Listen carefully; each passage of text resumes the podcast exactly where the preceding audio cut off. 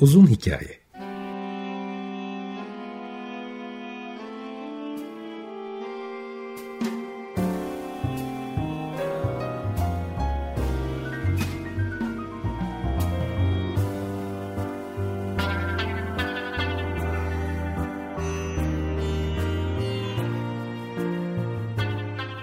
Hazırlayan ve sunan Muzaffer Çorlu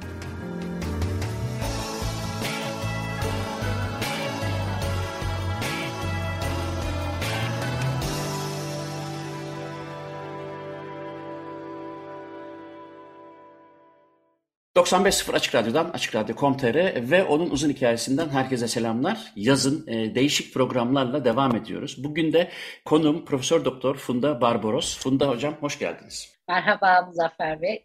Niçin sizi davet ettim? Arkadaşlar da bana ilettikten sonra benim de çok merakımı cezbetti konu açıkçası. İzmir'de Karaburun'da bir zeytin okulu var ve sivil inisiyatif alarak e, faaliyetlerinizde okudum. Çok çok ilgimi çekti ve bunun duyulmasını, bilinmesini, dolayısıyla ilgisi olan insanların da destek olmasını sağlamak adına Açık Radyo gibi e, çevreci, çevreye duyarlı bir radyo programı olarak biz de size destek vermek adına çağırdım ama çok ilginç şeyler var. Tek tek bunların üzerinden gidelim. Önce ne zaman kuruldu? Tabii. Niçin Karaburun'u seçtiniz? Niçin İzmir'de e, oluyor bu işler? Ve de e, faaliyet alanlarınız neler diye başlayalım. Sonra güzel sorularım var. Tabii ki. E, Açık Radyo benim de çok severek takip ettiğim, izlediğim bir kanal. E, öğrencilerimle de çok paylaşıyorum. Çok öğretici programlar oluyor. Zeytin Okulu'nu e, buradan paylaşmaya değer gördüğünüz için de çok teşekkür ederim size. Zeytin Okulu tam 4 yıldır faaliyette. Tabii hazırlık aşaması ile beraber bakarsak 7 yıldır sürecin devam ettiğini söyleyebiliriz. Bir grup yol arkadaşımla beraber 8 sene önce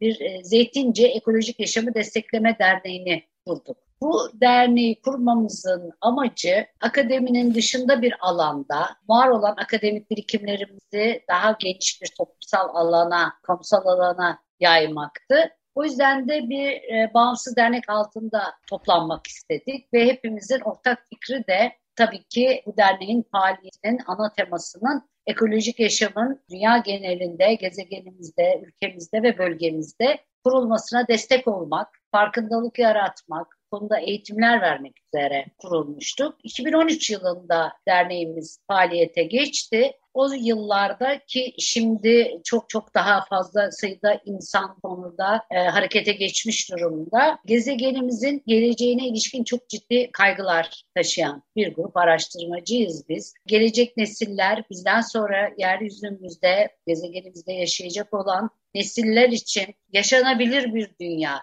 sürdürülebilir evet ama aynı zamanda yaşanabilir bir dünya bırakmak üzere bir kaygı taşıyorduk. Akademik alanda yaptığımız çalışmalarda da bunu sürece zaten destek veriyoruz. Ama bir alternatif öğrenme mekanı, alternatif bir deneyim mekanı, bilimin, kadim bilginin, yerel bilginin birlikte harmanlanacağı bir platform olmak, her tür fikre, e, ideolojiye, güncel siyaset dışındaki her tür politik yaklaşımın e, bilimsel tutarlılık içinde, bilimsel ahlak içerisinde bir araya getirildiği, tartışıldığı, değerlendirildiği, sentezlendiği bir platforma çok ihtiyaç olduğunu düşündük. Sanıyorum ben de sizin gibi dört yıllık faaliyetlere ara ara dönüp baktığımda e, sanıyorum büyük ölçüde bunu hedefimizi tutturmuşuz gibi duruyor. Şöyle ki Bugün artık zeytin okulu, zeytincilikle tabii ki özellikle ilgi alanımız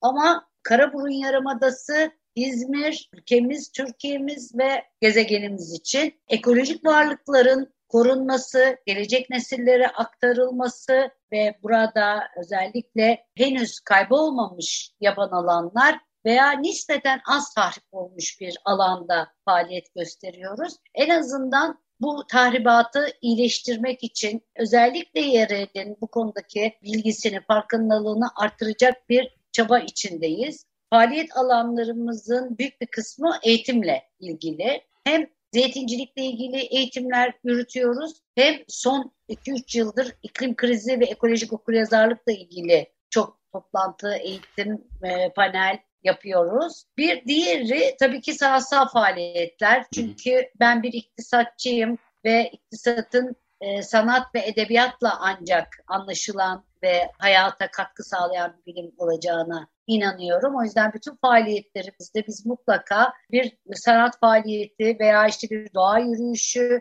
ya da işte bir yeni bir bitkinin keşfi veya fotoğraflama gibi bir sanatsal faaliyette de bir arada yürütmeye çalışıyoruz. Onun için pek çok sanat atölyemiz de oldu, hı hı. oluyor da. Pandemi gezegenimizde ne yazık ki her şeyi çok değiştirdi sanıyorum. Bu yüzyılın sonunda dönüp bu 2020'li yıllara baktığımızda galiba en önemli kırılma anlarından birini oluşturacak pandemi. Biz de bu dönemde e, yüz yüze fiziki eğitimlerimizi bıraktık ama hepimizin zaten uzaktan eğitimle ilgili tecrübeleri vardı ve online eğitime döndük Zeytin Okulu'nda da. Fakat bu yıl itibariyle yeniden Nisan ayından bu yana yine Karaburun'da okulumuzda yüz yüze eğitimlere başladık. Tabii ki salgının seyrine göre yeniden online'a dönebiliriz. Ben e, izninizle araya e, girip sözünüzü kesmek istemiyorum Lütfen, ama e, söylediğiniz söz, sözlerin iyi anlaşılması için araya giriyorum çünkü. Onlardan tabii bir tanesi de ben bir tanıtım metni okurken sizinle ilgili yani o e, Zeytin Okulu ile ilgili orada dikkatimi çeken bir şey var. Onu söylediniz ama onun altını çizmek için söylüyorum. Ekolojik okur yazarlık eğitimi dediniz. Şimdi evet. bu çok önemli bir kavram. Ee, özellikle son zamanlarda da küresel ısıtmanın e, özellikle e, ön plana çıktığı artık herkes tarafından nihayet yavaş yavaş duyulmaya başladığı şu 10-15 senedir de e, önem kazanan bir konsept. E, siz evet. orayı bir açar mısınız? Nasıl bir eğitimdir bu? Ekolojik okur yazarlık eğitimi ver, vermekten neyi kastediyorsunuz? Yani eğitimciden ziyade oraya gelen birisi e, danışan ya da öğrenci olan ya da o işte o platformu takip eden evet. kişinin neleri öğrenmesi beklenir? Neler hedeflenir bu konu? Çok farklı mesleklerden e, bir araya gelmiş bir grubuz ama yani biraz daha fazla sayıda iktisatçı var. Ben de iktisatçıyım. E, bu iktisatın doğaya bakışı gerçekten çok sorunlu de tahmin edebileceğiniz gibi. Onun bir kaynak, tüketilebilen bir e, varlık olarak görüyor e, ekolojik okur yazarlıkta bizim hedefimiz doğaya, gezegenimize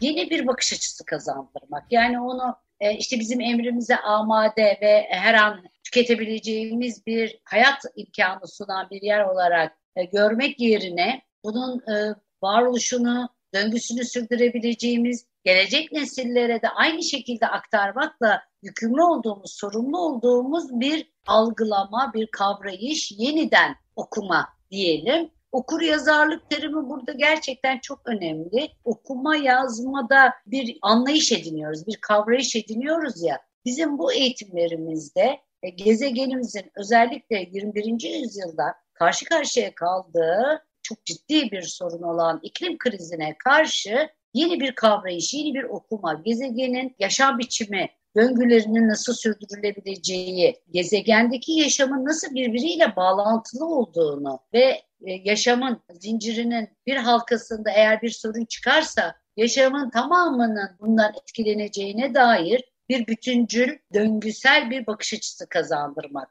Esas eğitimin amacı bu. Bunun için de öncelikle bu 21. yüzyılın çoklu krizlerinin neler olduğuna dair teorik eğitimler yapıyoruz. Ekolojik okuryazarlığın ne olduğuna dair teorik bir bilgi aktarımı oluyor öncelikle. Sonra Birleşmiş Milletler ve uluslararası kurumlar tarafından yürütülen iklim politikaları özellikle 2030 ve 2050 hedefleri bağlamında mutlaka bu konuda da teorik bir anlatım oluyor. Ve bana kalırsa bu eğitimlerin en ilgi çekici, en katkı sağlayan tarafı aynı zamanda bu ekolojik okur yazar sertifikası alan bu eğitimlere katılarak bu bilgilenmeden geçen arkadaşlarımızın bir uygulama içinde olmasını sağlamaya çalışıyoruz. Gökyüzüyle ilgili, içinde bulunduğumuz evrenle ilgili bulunduğumuz mahallede geri dönüşüm imkanları konusunda biz çoğunlukla tabii ki Türkiye çapında da yaptığımız çok oldu ama ağırlıkla yaşadığımız bölgeye, yerele ağırlık vermeye çalışıyoruz.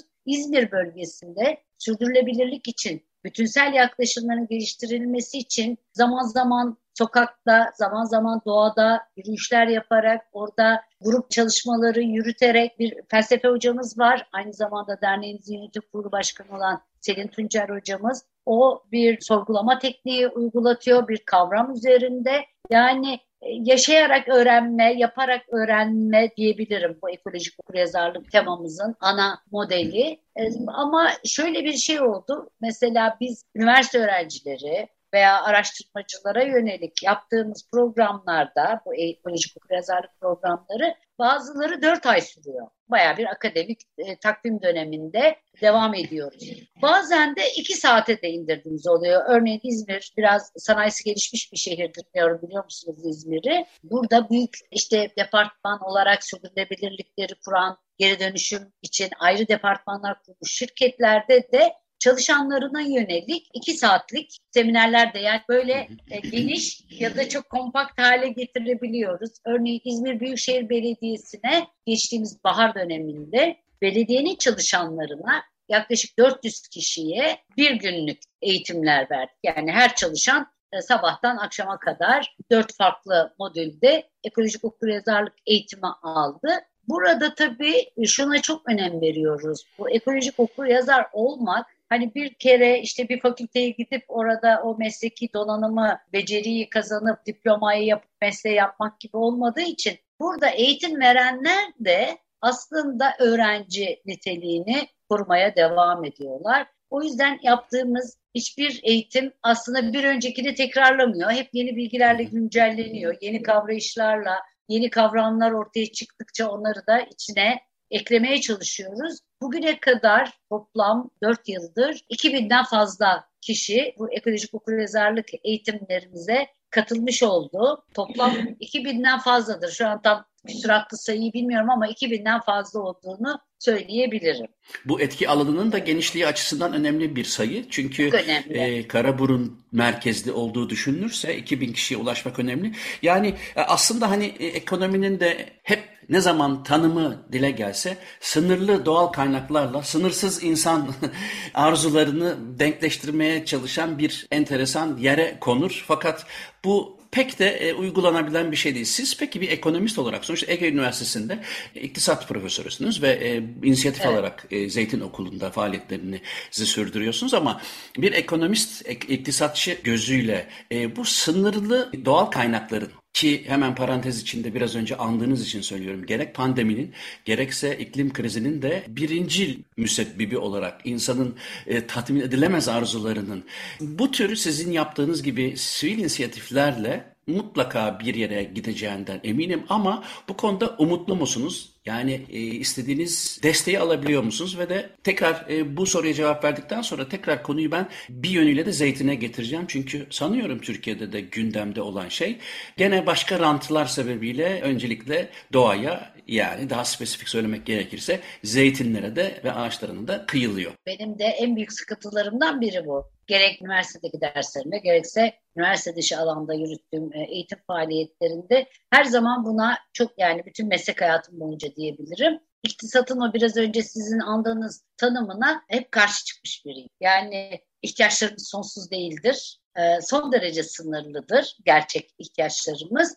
Dolayısıyla gezegenimizin kaynaklarına iyi bakmak, onları varoluşlarını sürdürmelerine, onların bir parçası olduğumuza, onu karşımıza almamaya, bir bağ kurmaya, ağ kurmaya çalışmamız gerektiğini düşünüyorum. Hem kişisel olarak hem de yani akademik faaliyetlerimde de hep bunu öne çıkarmaya çalışırım. Bence iktisat bilimi, yani genel olarak sosyal bilimler diyebilirim. Tabii ki fiziki bilimlerde de bu kavrayış var. Fakat çok sorgulanıyor bildiğiniz gibi. Yani gezegene onu kullan istediğimiz gibi kullanabileceğimiz bir kaynak olarak bakma fikri bana göre artık son derece eleştirilen, sorgulanan ve hatta biraz böyle bakana da biraz demode oldu diyebilirim. Bulunduğum camialardaki tartışmaları baz alarak söyleyebilirim. Tabii ki e, hükümetler bazında baktığımızda uygulanan politikalarda hala bu kavrayış hakim. Yani eğer bir maden oracıkta duruyorsa yerin altında e, elbette onu biz onu yerin üstüne çıkaracağız ve orada sanayide işleyeceğiz ve başka bir değere dönüştüreceğiz kavrayışı var. Fakat artık genel olarak dünyada da iktisat bilimi bu kavrayışı terk etmeye başladı diyebilirim. Alternatif yaklaşımlar olarak örneğin donat ekonomi, Türkiye'de de şimdi simit ekonomisi olarak ben bütün çalışmalarda e, model olarak kullanıyorum. Hatta İzmir'de de böyle bir pilot uygulama yapmayı çok isteriz doğrusu Zeytin Okulu olarak. Yani ihtiyaçların yaşamsal gerekçelerle sınırlandırıldığı ve kaynakların sürekliliğini, gökyüselliğini sağlayacak bir ekonomi, üretim ve tüketim örüntüsü mümkündür. Ekonomi bilimi buna müsaittir. Sadece buna yönelik bir yeniden kavrayış, yeniden bir okuma yapmamız gerekiyor ve iktisat eğitimini de buna göre değiştirmemiz gerekiyor. Ben kişisel olarak yaptığım bütün eğitimlerde bu sorgulamayı öğrencilerimle beraber yürütürüm. Ama e, formal olarak bakarsanız hala temel iktisada giriş eğitimi ne yazık ki hala bu e, hakim olan ideolojiyle yürütülüyor. Bu genç akademisyenler, genç araştırmacılar, ben bilim insanlığının artık özellikle Türkiye'de sadece üniversitelerle kısıtlı olmadığını düşünüyorum. Dolayısıyla üniversite bünyesinde olmayan ama çok bilimsel bir tutum içinde, bir bilimsel ahlak içinde yaşamını sürdüren bireylerle de bir araya geliyorum. O yüzden e, ümidim tam bu noktada oluşuyor. 21. yüzyılda ömürlerinin büyük bir kısmını bu yüzyılda yaşayacak olan e, benden sonraki neslin bu kavrayışının çok hızla yayıldığını ve hakim hale geldiğini görüyorum. Burada ümitliyim. Şöyle yapalım. E, hem örnek çalışmalara gelelim hem de benim sorularım da var ama bir müzik arası verelim. John Coltrane'den Blue Train dinleyelim sonra devam edelim. Evet bugün Profesör Doktor Funda Barbaros'la birlikte Karaburun'da yürüttükleri Zeytin Okulu'ndan ama onunla beraber etik ekonomi modelinden de biraz bahsetmiş oluyoruz. Hadi ben onun adını böyle koydum. Ne kadar doğrudur bilmiyorum ama sizin okuldaki faaliyetlerden gene bir iki tane noktaya dönmek istiyorum. Onlardan bir tanesi e, bizi aydınlatırsanız çok güzel olur. Bir tanesi çocuklarla yaptığınız uygulamalar var. Bir tanesi de gördüğüm kadarıyla uluslararası bir takım projeler de var. E, ve bu evet. projelerden bir tanesi de bizim de hemen burada e, Hollanda'daki Delft Üniversitesi vasıtasıyla yaptığınızı e, okudum. E, bu iki konuyu yani hem uluslararası e, projeleri hem de çocuklarla ilgili e, uygulamalardan bahsederseniz sonra ben tekrar konuyu zeytine ve de olmazsa olmaz e, etik ekonomiye getireceğim tekrar. E, ahlaklı yani bence her bilimin yeniden ahlaklı hale gelmesi gerekiyor. Başta ekonomi tabii. Başta ekonomi. Kesinlikle kabul ediyorum. Yani kendi bilim dalım için. Zaten kendi bilim dalım için konuşabilirim. Ahlaklı bir büyüme, ahlaklı bir tüketim modeline çok ihtiyaç olduğunu düşünüyorum. Ve bilimimizin politik araçları da, teknik araçları da buna çok müsait ayrıca. Şimdi benim iktisat anlayışıma zeytin o kadar uygun bir model ki Akdeniz'in bir ekolojik varlığı, çok önemli bir varlık. Binlerce yıl boyunca varlığını sürdürebilen, yani ne demek e, uzun yaşamak? Uyum yeteneği çok yüksek, uyum kapasitesi yüksek bir ekolojik varlık ve varlığıyla birkaç nesli etkileyebiliyor. Benim kafamdaki Zeytin Okulu'nda yapmaya çalıştığımız bu ekolojik varlıklara saygılı bizden sonraki nesillerin de faydalanabileceği, bir arada yaşayabileceği bir ortam yaratma hedefimizde zeytin kendisi hem bir gıda olarak hem de bir simge olarak çok uygun diye düşünüyorum. Nitekim sizin andığınız döngüyü zeytinden öğrenmek adı altında yürüttüğümüz bir projemiz var. Hollanda Delft Üniversitesi ve Zeytin Okulu ile beraber yaptığımız bir takım güzel sonuçları oldu bu projenin. Bir tanesi yeni bir ürün ortaya çıktı. Bir diğeri e, lansmanını henüz yapmadığımız e, Eylül ayı içinde İzmir'de bir Terra Madre buluşması var. Ümit'le orada ilk e, dünya premierini yapmayı e, hedeflediğimiz bir film çalışmamız var. Ayrıca bir kitap da ortaya çıktı. Bu döngü ve zeytin ilişkisi Harika. üzerinden. Yani İngilizce ve Türkçe. Şu anda ilk İngilizcesini çıkarıyoruz ama Türkçe'de de basılacak. Hakikaten döngüsellik konusunda zeytin o kadar iyi bir e, örnek ki yani çekirdekten başlayıp gıdaya dönüşümü, atıklarının yeniden başka bir ürün olarak kullanılması ve hiçbir şeyini çöp haline gelmiyor. Tam doğanın ekonomisi diyoruz buna. Hani doğada hiçbir şey yok olmuyor ya, doğada hiçbir şey çöp değil ya. E, bir atık bir başka varlığın, başka bir canın gıdası oluyor. Zeytinde de böyle bir döngüyü çok net izleyebiliriz. Zaten bu belgeselimizde de bir yıl içerisinde zeytindeki bütün o döngüyü göstermeye çalıştık. Aslında göstermeye çalıştığımız o döngü bana kalırsa hayatın da döngüsü. Yani e, insan bireyler, Sapiens de böyle bu döngüyle varlığını sürdürüyor bence işte. Hayata geliyor, bir takım şeyler tüketiyor, kendisi de katıyor yaşlanıyor ve doğaya karışıyor. Her şeyle bir oluyor, hemhal oluyor ve başka bir şeye dönüşüyor. Zeytinde de bu çok net gözlenebilir bir şey.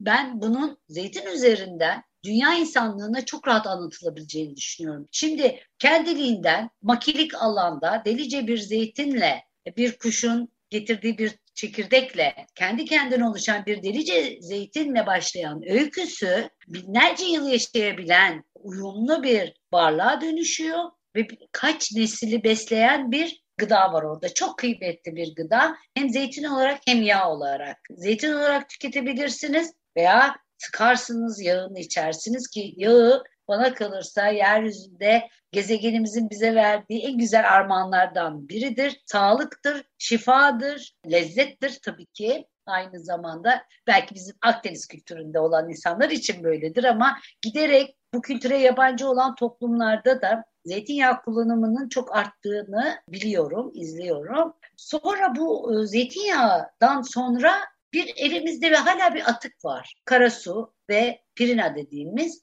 zeytinin küspesin, zeytinyağı yapılırken çıkan bir atık bu. Normalde bunu atık kabul ediyoruz. Halbuki şimdi bu projedeki sorumuz buydu bizim. Acaba hala buradan aynı döngüsel ekonomi modelinin temel mottosu olan e, geri dönüşüm en son şeydir yani en son çaredir. Yeniden kullanmak farklı bir amaçla kullanmak için şimdi bunu zeytine uygulayabilir miyiz? Ve bu pirina dediğimiz küspe, pomas e, İngilizcesi bunun tabii ki örneğin Ege'de, İtalya'da, Yunanistan'da pek öyle kullanılmıyor ama Türkiye'de sıkıştırılarak yani kuru maddesi yakıt olarak kullanılıyor. Yani en son ana kadar en sonunda işte yakıt kullanıyorsun ve karbonu atmosfere, pirinanın içindeki şeyler tekrar dünyaya geldiği gezegene karışıyor.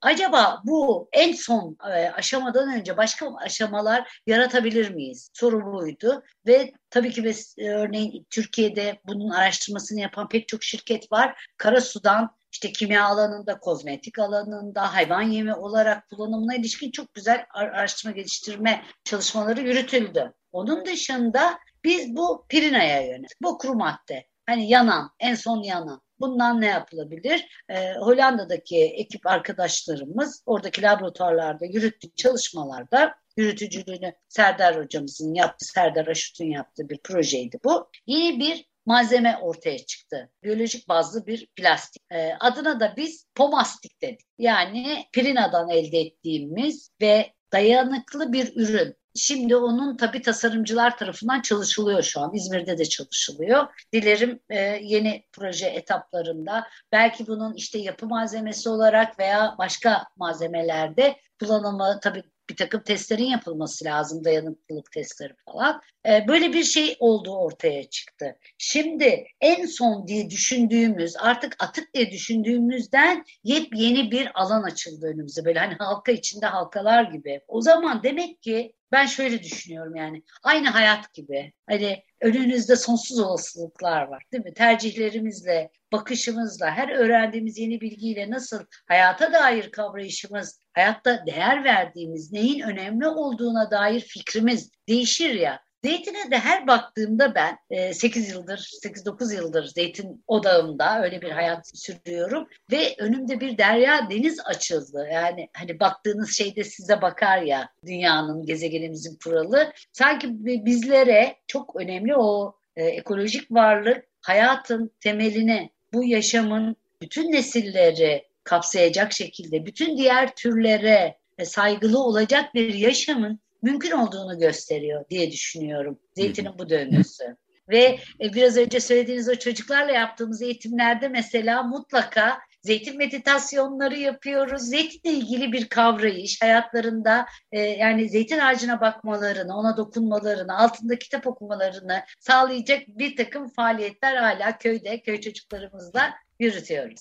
Şimdi şöyle yapalım. Son bölümde de onu konuşuruz isterseniz. Bir müzik arası daha verelim. Ben tamam. Mussorgsky'den Night on a Bolt Mountain'ı seçtim. Ondan sonra devam edelim.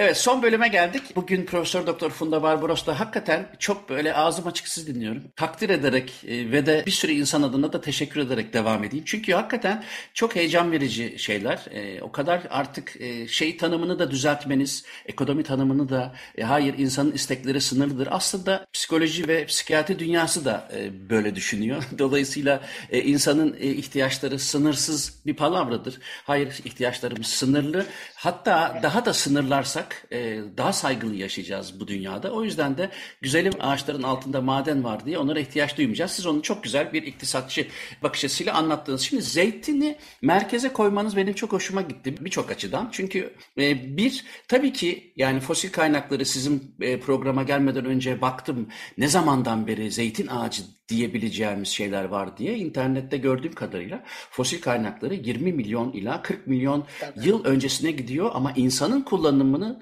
en az e, özellikle Türkiye yani Akdeniz bölgesinde 6 bin yıl öncesine gittiğini 6.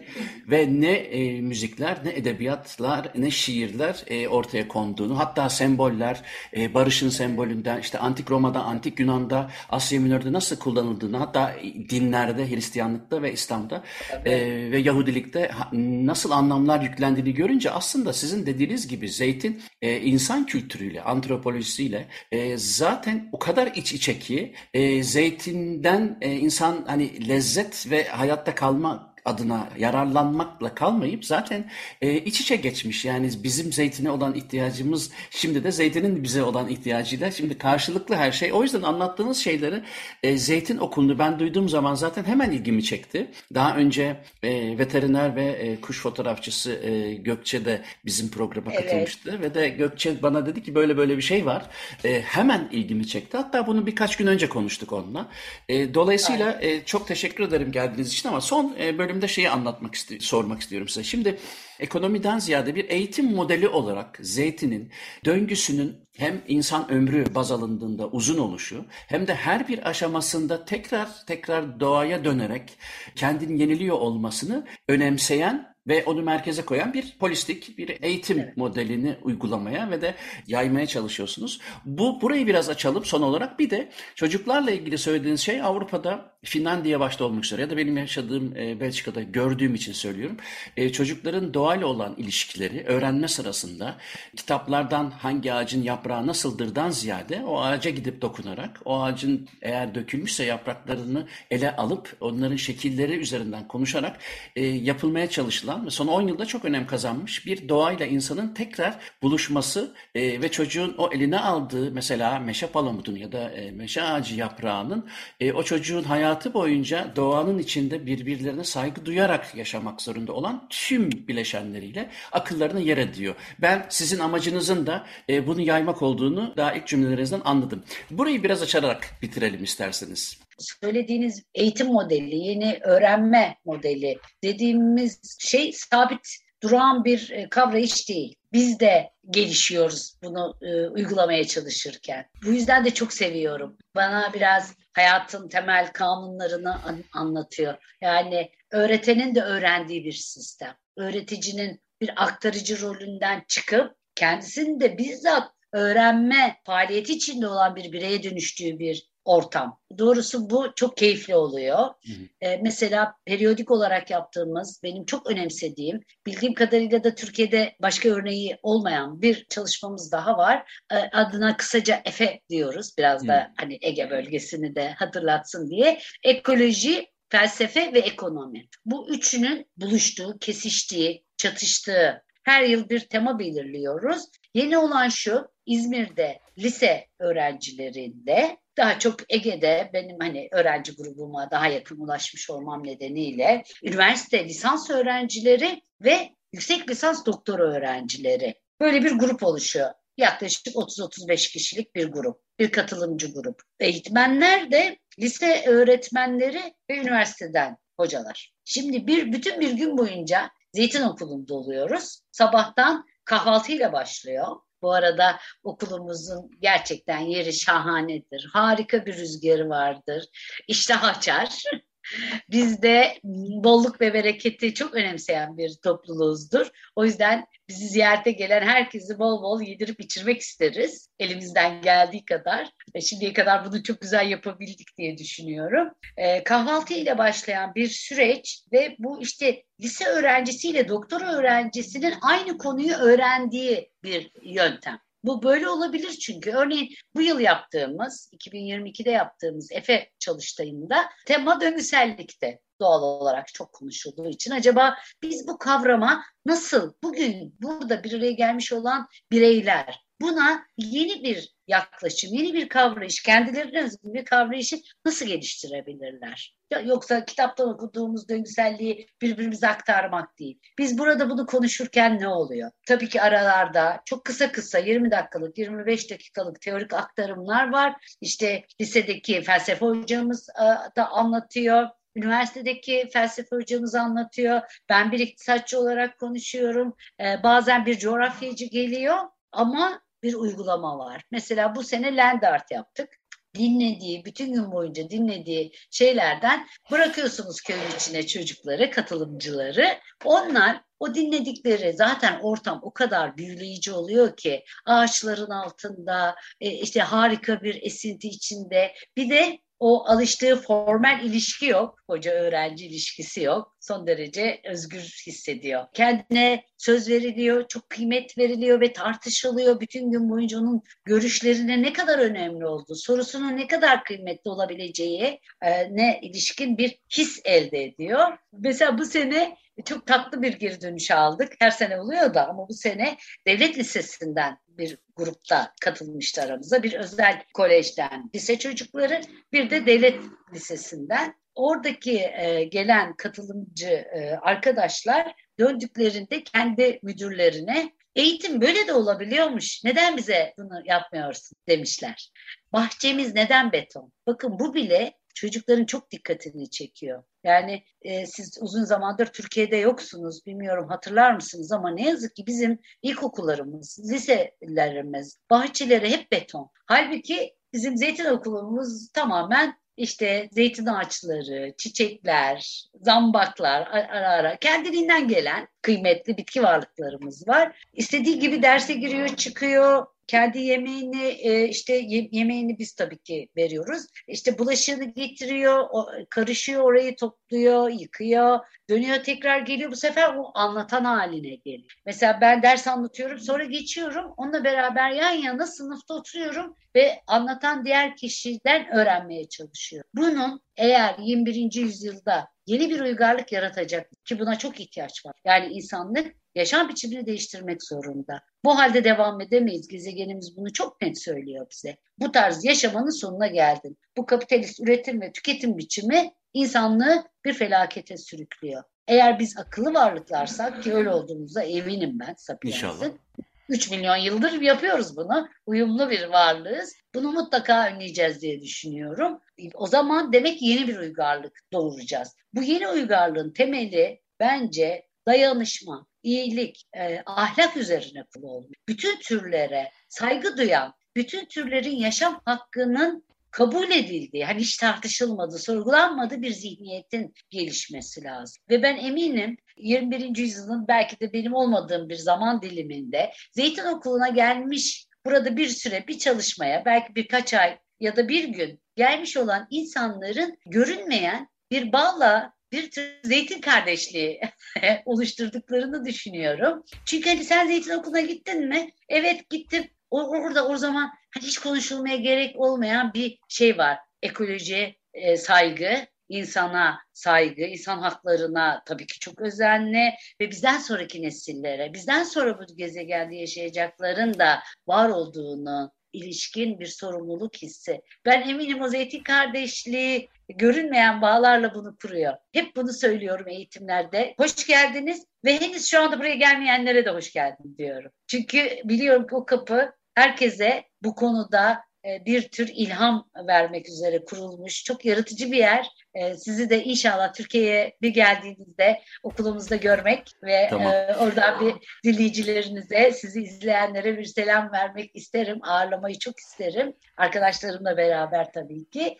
Bu ilham verici yer şunu söylüyor aslında. Başka bir yaşam mümkün. Hayatı böyle yaşamak zorunda değiliz. Bize dayatılanları bu şekilde sorgusuzca yaşamak, e, köle gibi devam ettirmek zorunda değiliz. Bunu değiştirme şansımız var. Nasıl? Birlikte yapabiliriz. Sözle değil ama sarılarak, e, hizmet ederek gelenlere, onlara yedirerek, içirerek, giderken kucaklayarak tüm gün boyunca baktığı, seyretti işte kartal üstünden uçarken hissettiği şeyle hayatına e, uygulayacağı yeni bir model ona bir ilham olsun. Ne olduğunu ben bilmiyorum. Bir reçetem yok. Bence zaten kimsenin de bir reçetesi olmamalı. Bu çok dinamik bir süreç ama ortak özelliklerimiz olabilir. Şu an burada yaptığımız gibi yani ikimizin de çünkü bundan hiçbir beklentisi yok değil mi? İyilik olsun, böyle düşünen insanlar bir araya gelsin, sayı çoğalsın. Sayı çoğalırsa sanki hani bir böyle bir sihirli bir kat sayı var. Yeterince çok sayıda insan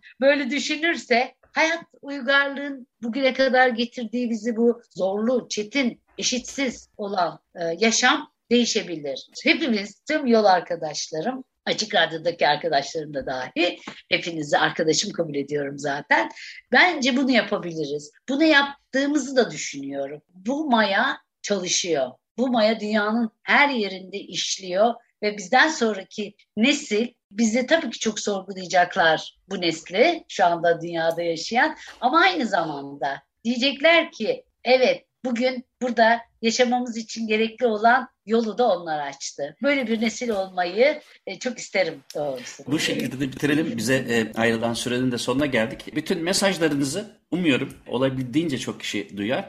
Konuğumuz Profesör Doktor Funda e, Barbarostu, e, Ege Üniversitesi İktisat Profesörü. Kendisiyle Zeytin Okulu ve amaçlarını, faaliyetlerini konuştuk ve de hem e, döngüsel ekonomi modelinden, öğrenme modelinden de bahsetmiş olduk. Açık Radyo bu programı Spotify'a koyacak tekrarını. Ben de YouTube kanalıma koyacağım. Hafta haftaya yeni bir programda görüşmek üzere. Hepinize günaydın.